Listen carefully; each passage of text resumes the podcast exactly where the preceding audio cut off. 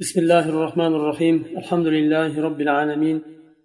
والصلاة والسلام على سيد المرسلين محمد وعلى آله وأصحابه أجمعين. اللهم علمنا ما ينفعنا وانفعنا بما علمتنا وزدنا علما يا عليم. قواعد الفقهية دم قاعدة وقتجاندك القاعدة الأولى الأمور بمقاصدها. إشلار maqsadlari bilandir ya'ni har qanday ishni qanday maqsad bilan qilsangiz shuni olasiz dunyo maqsadida qilsangiz dunyo uchun bo'ladi u oxirat uchun qilsangiz alloh uchun qilsangiz u oxiratingiz uchun bo'ladi shu ma'noda أصل هذه القاعدة بقاعدة أصله أصل هذه القاعدة الحديث النبوي الشريف الذي أخرجه الإمام البخاري في صحيحه عن عمر بن الخطاب رضي الله عنه قال وهو على المنبر. سمعت رسول الله صلى الله عليه وسلم يقول إنما الأعمال بالنيات وإنما لكل امرئ ما نوى. فمن كانت هجرته إلى الله ورسوله فهجرته إلى الله ورسوله. ومن كانت هجرته إلى دنيا يصيبها أو امرأة ينكحها فهجرته إلى ما هاجر إليه bu qoidaning asli hadisi sharifdir bu hadisni imom buxoriy rahimaulloh sahihlarida tahrij qilganlar umar ibn hattob roziyallohu anhudan u kishi minbarda turib aytganlar men rasululloh sollallohu alayhi vasallamdan eshitdim shunday deganlarini innamal a'malu bin niyat amallar niyat bilandir. Niyatga ko'ra bo'ladi. Va innama likulli ma nawa. Har bir kishi uchun niyat qilgan narsasi bo'ladi. Kimning hijrati alloh va rasuli uchun bo'lsa uni hijrati alloh va rasuli uchundir. Allohga va rasuligadir uning hijrati.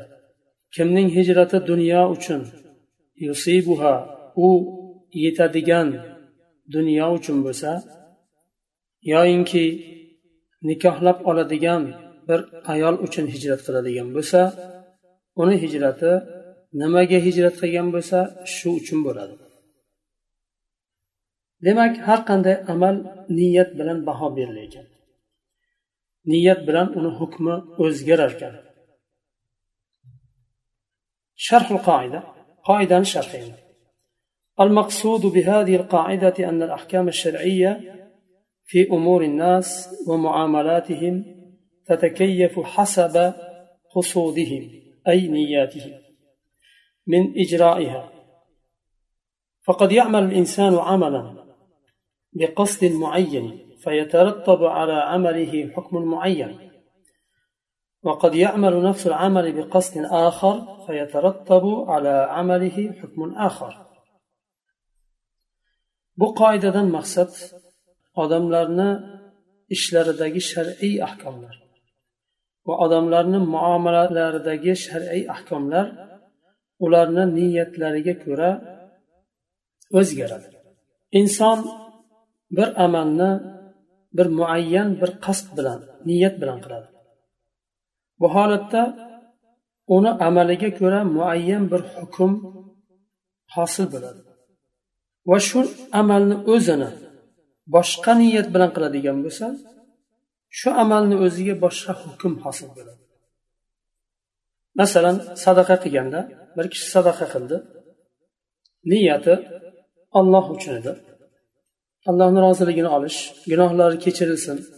Alloh menga shu sadaqam sababli gunohlarimni kechirsin degan niyat bilan sadaqa qildi. Uni hukmi olloh uchun qilgan bo'ladi. Kim sadaqani berdi ko'rsatib qo'yish uchun o'zini maqtanib qo'yish uchun berdi uni hukmi boshqa bo'ladi. Ya'ni bu olloh uchun qilindi deyilmaydi. Shunga o'xshagan ya'ni bir nafsil amal. Shu amalni o'zini qiladi lekin niyati ikki xil bo'lsa ikki xil hukm beriladi. Min tatbiqati hadhihi alqaida bu qoidani tatbiq qilishni endi bu yerda keltirilyapti أن ملتقط اللقطة يعتبر أمين لا ضمان عليه إذا هلكت اللقطة في يده بدون تعد منه أو تقصير إذا كان قصده من التقاطها حفظها وردها إلى صاحبها ويعتبر غاصبا إذا كان التقاطها بقصد تملكها فيضمن هلاكها وتلفها ولو كان هلاكها بدون تعد منه أو تقصير لأنه غاصب والغاصب يضمن هلاك المغصوب مطلقا. وبهذا جاءت المادة 769 من مجلد الأحكام العدلية. misol keltiryaptilar bu yerda tadbiq qilishlik uchun qoidani luqato deb yo'lda tushib qolgan narsani topib olinadigan narsa yo'lda bir narsa tushib qoldi. Bir kishini soati tushib qoldi. Yo bir pul tushib qoldi. Yo qanday bir narsa bo'lmasin qiymatga ega bo'lgan narsani luqato deyiladi. Agar sohibidan tushib qolgan bo'lsa shu. Shu luqatoni olgan kishi amin hisoblanadi. Agar u kishi egasiga yetkazish maqsadida olgan bo'lsa yerdan niyatini olloh biladi. La domana alayhi. Zamon domon bo'lmaydi. Domon ya'ni o'rniga o'rin to'lash. Agar shu luqato olgandan keyin qo'lida halok bo'lsa shu topib olgan kishini xatosi bo'lmagan holda halok bo'lsa yoyinki bir taqsir u kishi tarafdan sodir bo'lmagan holda shu topa olgan narsasi halok bo'ldi. Masalan deylik bir kilo go'sht topa oldi. Uni saqlay olmadi. Uni egasini topib berish uchun oldi ammo egasi kelmadi. Masalan bir kishi do'konini yonida buziladigan bir narsa tushib qoldi. Udan oldida do'konda qo'ydi. Egasi so'rab izlab kelsa beraman dedi. Niyat bilan to'g'ri niyat bilan oldi qo'ydi. U turgan joyida o'sha yerda egasi kelmadida zamon o'tishi bilan u buzildi. Bu holatda bu kishi o'rniga o'rin to'lamaydi egasiga. Nima uchun? Chunki egasiga beraman so'rab kelsa deb oldi.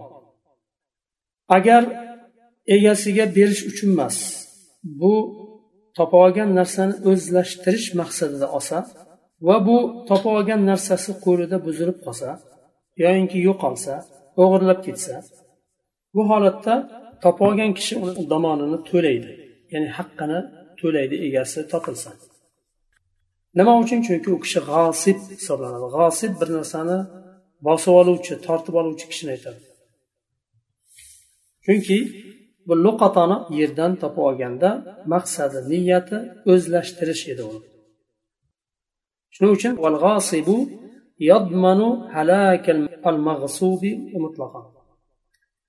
g'osib tortib oluvchi kishi yo bosib oluvchi kishi bir narsani olingan narsani halok bo'ladigan bo'lsa uni o'rniga uni to'laydi mutlaqo o'zi turgan joyida buzilib qolsa ham bu yetti yuz oltmish to'qqizinchi moddada kelgan deb nimani beryaptilar bu jurnalda chiqib turadigan ahkomlar ومن تطبيقات القاعدة أو فروعها انعقاد البيع بلفظ الفعل المضارع بقصد الحال لا الاستقبال كقول البائع أبيعك فرسي بكذا مبلغ فيقول المخاطب قبلت ولكن إذا قصد بالفعل المضارع الاستقبال لا ينعقد به البيع yana bir misol keltiryaptilar shu qoidani tadbiq qilishda savdo sotiq aqdi mudoriya lafzi bilan ham sahih bo'ladi komil bo'ladi masalan shu otimni sizga falon mablag'ga sotaman sotaman degan mudoriya kelajakda sotaman deyishlik. Lekin agar niyati hozir degan maqsadda aytsa niyat bilan aytsa. U holatda agar oluvchi kishi qabul qildim desa tamom savdo aqdi komil bo'ldi. Agar sotaman deganda mudori lafzini qo'llanganda kelajakda degan mazmunda aytsa u aqd komil bo'lmaydi chunki niyati uni kelajakda sotaman degan niyat hali sotmadi lekin sotaman degan niyatini bildirdi.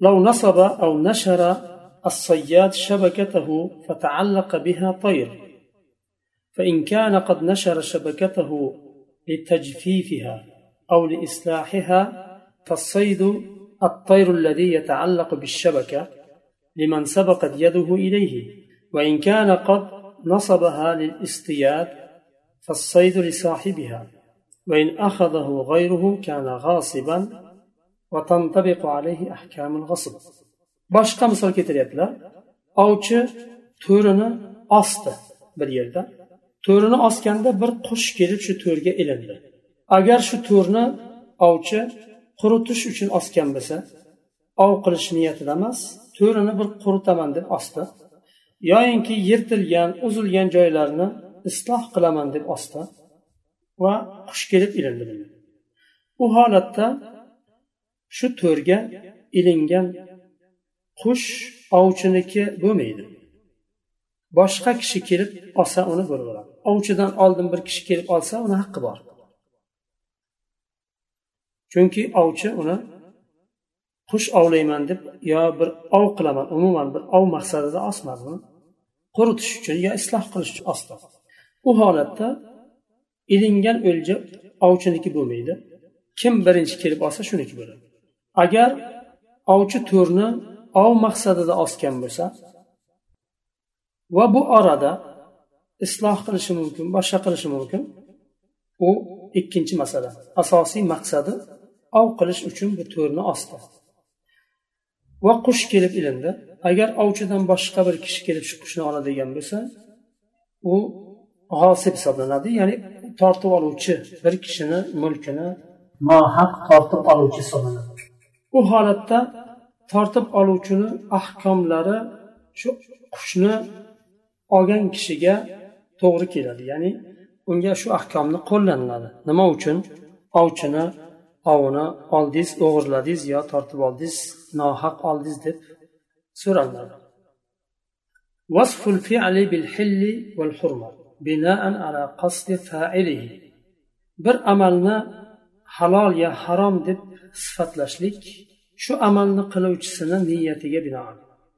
وكما أن الفعل يتكيف حكمه في أحكام الدنيا بناء على قصد صاحبه أي فاعله فكذلك يتغير حكمه من جهة وصفه بالحل والحرمة بناء على قصد فاعله كالنكاح مستحب وسنة من سنن الإسلام ولكن يحرم إذا كان قصد صاحبه مضارة الزوجة أو ظلمها. وإمساك الزوجة بمراجعتها أثناء العدة بقصد استمرار الزوجية واستدامتها والقيام بحقوقها. هذا الإمساك بهذا القصد أحب إلى الله من تسريحها ويحرم هذا الإمساك إذا كان بقصد الإضرار بالزوجة بتطويل عدتها. قال الله تعالى وإذا طلقتم النساء فبلغن أجلهن فأمسكوهن بمعروف أو سارحوهن بمعروف ولا تمسكوهن ضرارا لتعتدوا ومن يفعل ذلك فقد ظلم نفسه. dunyo ahkomlarida fe'l bir amalni qilganda shu amalni qiluvchisini niyatiga ko'ra dunyo ahkamlari har xil bo'lganidek shuningdek halol va harom sifatiga ko'ra bo'lgan ahkomlari ham qiluvchisini niyatiga ko'ra o'zgaradi. Masalan nikoh uylanishlik bu mustahab va islom sunnatlaridan bir sunnatdir. Lekin bir kishi uylanadigan bo'lsa bir xotinga zarar berish maqsadida zulm qilish maqsadida uylanadigan bo'lsa bu harom.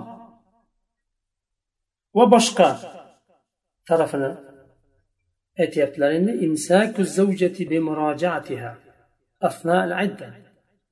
bir kishi ayoliga taloq berdi. Va shu taloq hali mudda bitmasdan oldin ayolini qaytarib nikohiga oldi. U holda shohidsiz va yangi aqdsiz mahrsiz qaytarib olishi mumkin iddani ichida bo'lsa agar. Iddani ichida ayolini qaytarib oldi. U kishini niyati oilaviy hayotni davom ettirish va oilasini haqlarini o'rniga qo'yib davom ettirish edi. Va bu niyat allohga sevimliroqdir. Uni qaytarmasdan iddasi chiqqandan keyin jo'natib yuborgandan ko'ra allohga bu sevimliroqdir. Bu niyat bilan qiladigan bo'lsa yaxshi. Lekin zarar berish maqsadida qaytarib oladigan bo'lsa masalan iddasini uzayib ketishi uchun taloqni berdi. Uch hayz muddat iddasi bor. Iddasi chiqib ketishiga bir kun ikki kun qolganda qaytarib oldi. Undan keyin bir necha kun o'tgandan keyin yana yangidan taloq berdi. Yana bu ayol uch hayz o'tirishi kerak. Iddasini uzalib ketishi uchun cho'zilib ketishi uchun shunday qilsa buni alloh qalbini biladi niyatini biladi. Bu harom ish qilgan bo'ladi. Alloh taolo baqara surasida aytyapti agar ayollarni taloq qilsanglar idda muddatlari bitsa yo bu iddasi chiqmasdan uni ushlab qolinglar. Yo yaxshilik bilan ushlab qolinglar qaytarib olinglar ya'ni yo yaxshilik bilan uni jo'natib yuboringlar. Uni ushlab qolmanglar. Iddasi oxiri yetganda yana qaytarib olib yana uni uzaytirib iddasini uzaytirib yuborishlik uchun uni ushlamanglar. Kim shuni qiladigan bo'lsa o'z o'ziga zulm qildi deyapti alloh taolo. وجاء في تفسيرها والمعنى إذا طلقتم النساء فقاربن آخر العدة فلا تضاروهن بالمراجعة من غير قصد لاستمرار الزوجية واستدامتها والقيام بحقوقها بل اختاروا أحد أمرين إما الإمساك بمعروف من غير قصد الإضرار بها أو التسريح بإحسان أي تركها حتى تنقضي عدتها من غير مراجعة ولا تمسكهن ضرارا. ومن يفعل ذلك الإمساك المؤدي إلى الضرر أو إضرار فقد ظلم نفسه لأنه عرضها لعقاب الله وسخطه بسبب ظلمه لهن. وقال الزجاج يعني عرض نفسه للعذاب لأن إتيان ما نهى الله عنه taarrudun li bu oyatni tafsirida keladi. Agar ayollarni taloq qilsanglar va ularni iddasini oxiri yaqinlashsa ularni oilaviy hayotni davom ettirish va ularni haq huquqlarini joyiga qo'yib hayotni davom ettirishlik maqsadida bo'lmagan. Bu maqsadsiz ularni qaytarib olib zarar bermanglar deyapti. Balki ikkita ishdan bittasini tanlanglar. Yo yaxshilik bilan ushlab qolinglar zarar bermagan holda yoyinki yaxshilik bilan jo'natib yuboringlar. Yaxshilik bilan qo'yib qo'yinglar iddasi tugasin murojaat qilib ya'ni qaytarmanglar iddani ichida yana uzayib ketmasin uchun iddasi. Va jo'natinglar degan mazmunda. Ushlab turmanglar ularni zarar berishlik uchun. Kim shuni qilsa shu zarar berish uchun qilsa faqat u o'ziga o'zi zulm qildi. Nima uchun? Chunki o'zini o'zi allohni azobiga va g'azabiga ro'baro qildi. Ayollarga zulm qilgani uchun o'zini o'zi allohni azobiga haqlik qildi. Zajjoj rahimalloh aytadilar o'zini nafsini azobga ko'ndalang qildi haqlik qildi chunki alloh taolo nahiy qilgan narsani qildi. Alloh taolo nahiy qildi. Qaytardi bunday qilmanglar. shu narsani qilgani uchun o'zini o'zi allohning azobiga haqlik qildi deydilar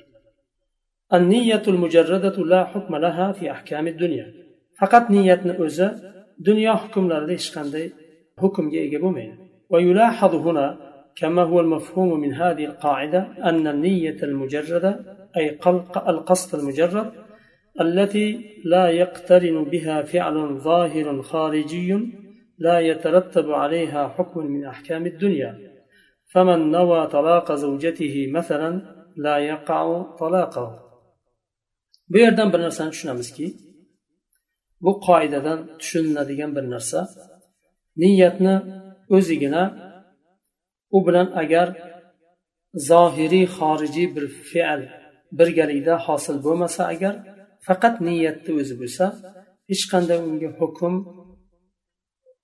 hosil bo'lmaydi dunyo ahkomlaridan masalan bir kishi xotinini taloq berishni niyat qildi lekin bermadi taloq tushmaydi niyati bilan taloq qilishni niyat qildi qilaman degan lekin qilmadi taloq tushmaydi الثواب على النية الحسنة مع عدم مشروعية الفعل bu mashru bo'lmagan ishni yaxshi niyat bilan qilsa u uchun savob oladi Aslida u mashru qilinmagan misoli keladi أو القصد الحسن أثر في تحصيل الثواب بالرغم من عدم مشروعية الفعل لمن فعل فعلا يظنه قربة أو جائزا شرعا. وفعله بهذا القصد فتبين خلاف ذلك أثيب على قصده. لا على فعله كالمصلي يصلي بقصد الصلاة ويظن أنه متطهر وهو غير متطهر أو يصلي على مرتد صلاة الجنازة يعتقده مسلما وإنه يثاب على قصده دون فعله. ولو قدم طعاما لمن يخشى موته جوعا بقصد الإحسان إليه ودفع الهلاك عنه فتبين أن الطعام كان مسموما دون أن يعرف ذلك مقدمه فمات آكله. فإن مقدمه يثاب على قصده لا على تقديمه الطعام وتجب الدية على عاقلته لأنه يعتبر قاتلا خطأ yaxshi niyatga ko'ra savob hosil bo'ladi qilingan ish mashru bo'lmasa ham agar misol uchun bir kishi bir ishni qildi u allohga qurbat hosil bo'ladigan ish deb o'yladi yoinki shar'an joiz bo'lgan ish va bir ibodat degan niyatda qildi. Undan keyin bildi u xilofi bo'lib chiqdi. Ibodat emas ekan shar'an joiz emas bo'lib chiqdi. U niyatiga ko'ra savob oladi. Fe'liga ko'ra emas niyatiga ko'ra. Namoz o'quvchiga o'xshagan namoz o'qishni qasd qilib bir kishi namozni boshladi. Tahoratim bor deb o'yladi lekin tahorati yo'q bo'lib chiqdi. Namoz uchun emas niyati uchun ajr oladi. Yoyinki bir murtad bo'lgan bir insonni janozasini o'qidi musulmon deb o'yladi. Undan keyin bildiki murtad ekan. Niyatiga ko'ra savob oladi fe'liga ko'ra emas. Boshqa misol bir kishi ochdan o'lishligi mumkin bo'lgan. Och kishiga taom taqdim qildi. Uni halokatdan saqlab qolish niyatida taomni ketirdi va bu taom zaharlik bo'lib chiqdi. Bu och inson yedida o'ldi. Bu holatda halokatdan saqlab qolish niyatida bu taomni ketirgan kishi niyatiga ko'ra savob oladi. Gunohkor bo'lmaydi. Niyatiga ko'ra savob oladi. Fe'liga ko'ra emas. Fe'li yanglish noto'g'ri bo'ldi. Lekin niyati uni halokatdan saqlab qolish edi. Taom zaharli ekanini bilmadi. Buni bunday holda niyatiga ko'ra savob oladi lekin diyasini to'laydi. Bu kishini aqilasi aqilasi derkan qabilasi to'laydi.